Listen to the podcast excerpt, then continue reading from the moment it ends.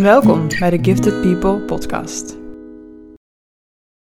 Super leuk dat je weer luistert. Ik uh, wilde vandaag een uh, verhaal met je delen over iets wat ik uh, laatst heb meegemaakt. En het deed me ook weer denken aan iets wat ik ja, zelf ook al regelmatig ervaar, wat ik ook heel veel zie bij hoogbegaafden, zeker als ze nog niet weten dat ze hoogbegaafd zijn. En het verhaal was dat ik was uit eten en het was heel gezellig en we liepen terug naar de auto. En die stond in een parkeergarage. En bij het inrijden was de poort open. Dus we zijn gewoon naar binnen gereden. En we dachten, nou, het was zondag. Het was ook een beetje zo'n kerkelijk dorpje. Dus we dachten, misschien is het gewoon hier altijd uh, op zondag gratis parkeren. Wat ook wel vaker natuurlijk uh, voorkomt. Dus wij zijn gewoon naar binnen gereden. We hebben de auto neergezet. We zijn gaan eten. En we komen terug en die poort is dicht. En we zijn ook via die poort die open stond naar beneden gelopen. Dus heb ik een garage uit. Dus uh, we staan in één keer voor zo'n dichte poort die ook echt, echt dicht is. Dus niet zeg maar gewoon een balkje waar je overheen kan of onderdoor kan. Maar echt met tralies dicht. En wij staan daar en we denken, oké, dit is niet helemaal wat we hadden verwacht van vandaag. Um, dus we dachten, nou, er moet hier vast wel ergens een deur zijn waar je naar binnen kan, naar de parkeergarage. Dus wij een beetje om dat pand heen lopen. En uh, we waren met z'n drieën en op een gegeven moment zeiden we tegen elkaar, misschien, misschien moeten we even opsplitsen. En dat uh, wij lopen één kant op, als jij dan die andere kant op loopt, dan komen we misschien wel ergens zo die ingang tegen, die deur tegen. Uh, en dat kwamen we niet. Wat we wel tegenkwamen, was een heleboel andere mensen die ook de ingang niet konden vinden. Dus wat ik toen merkte was dat uh, iets wat eigenlijk een beetje frustrerend was, want ik liep daar op mijn ogen hakken en ik dacht, ik wil gewoon in die auto zitten, in die warme auto zitten. En we kwamen al die mensen tegen en die wisten ook niet waar de ingang was. Dus het was ook een beetje, op een gegeven moment werd het ook een beetje grappig. Uh, maar wat me ook heel erg opviel was dat eerst voelde ik me een beetje dom. Van oké, we zijn hier uh, gewoon een normale parkeergarage, er moet ergens een deur zitten. En waarom kunnen wij die deur niet vinden? Hè? Ligt dan aan ons? Maar omdat we echt wel een stuk of acht mensen tegenkwamen die ook de deur niet konden vinden, de ingang niet konden vinden, dachten we: oké, het ligt in ieder geval niet aan ons, het ligt in ieder geval niet aan mij. En enerzijds maakte dat de situatie heel grappig. Hè? We waren ook met elkaar heel erg grapjes aan het maken. En uh, nou, om eventjes gelijk uh, aan te geven hoe het is afgelopen. Uiteindelijk konden we de deur vinden. En toen kwam er nog een heel gedoe dat we nog geen kaartje hadden. Dus dat was ook wel gezellig. Uh, maar uiteindelijk zijn we in die auto gestapt. Zijn we heerlijk naar huis gereden. Het is allemaal goed gekomen. Maar waar ik het vooral over wil hebben met je... is over het gevoel van... oh, ik, dit is een domme actie. Of ik ben dom. Of dit, dit, gebeurt mij weer. Zeker omdat ik niet slim genoeg ben om erachter te komen. En ik merkte juist omdat er dus meerdere mensen waren... die ook de ingang niet konden vinden... dat ik niet echt die gedachte had van het ligt aan mij of ik ben uh, gewoon niet slim genoeg om de deur te vinden. Dus wat ik heel vaak zie als je erkenning heeft aan opgaafde, is dat er weinig gelijke stemmen om je heen zijn. Waardoor je dus heel vaak in situaties komt dat jij wel de enige bent. Jij bent wel de enige die de deur niet kan vinden of de deur juist wel kan vinden. Dat kan natuurlijk net zo goed. En wat er dan gebeurt is dat je aan jezelf gaat twijfelen. Je gaat de hele tijd het gevoel krijgen als andere mensen dit wel kunnen, waarom lukt het mij dan niet? Om een voorbeeld te geven, als hoogbegaafde ben je heel goed in complexe dingen, maar jij soms niet zo goed in de simpele dingen.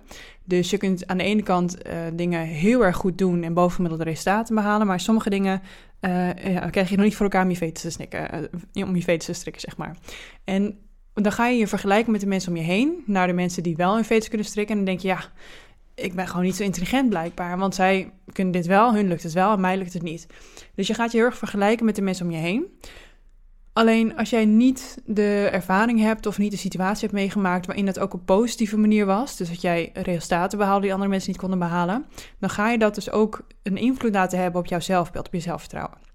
Dus het is heel erg waardevol als je erkent van hé, hey, ik ben vaak de enige geweest, of ik ben uh, de voorloper geweest, of ik ben altijd de eerste die tegen dingen aanliep.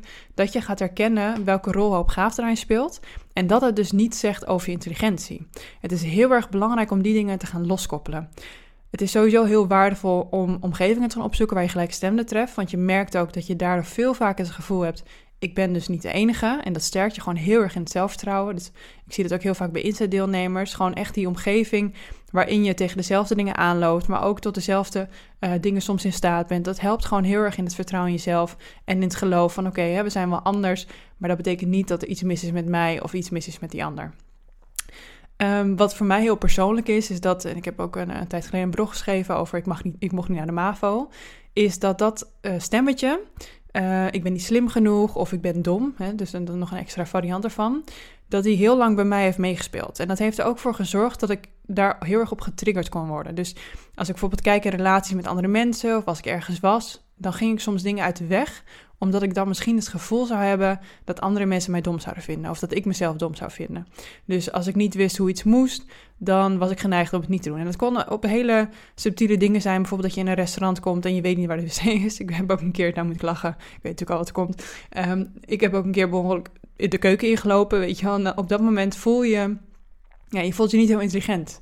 Dus wat er gebeurt de volgende keer als je in zo'n restaurant komt en je weet niet waar de wc is, dat je denkt, ja, uh, misschien moet ik hem even ophouden tot ik weer thuis ben, want dan loop ik in ieder geval niet per ongeluk de keuken binnen. Dus je gaat merken dat dat heel subtiel ook in hele kleine dingen door kan zijpelen. Maar ook bijvoorbeeld in relaties dat uh, jij zegt iets en die ander reageert erop en jij krijgt het gevoel van die ander vindt mij dom of uh, misschien heb ik iets gezegd wat dom is. En dan ga je ook merken dat je vanuit die overtuiging of vanuit ja, die pijn die je daardoor ervaart ook gaat reageren op die andere. Waardoor het ook heel erg beschadiging kan opleveren voor je relaties.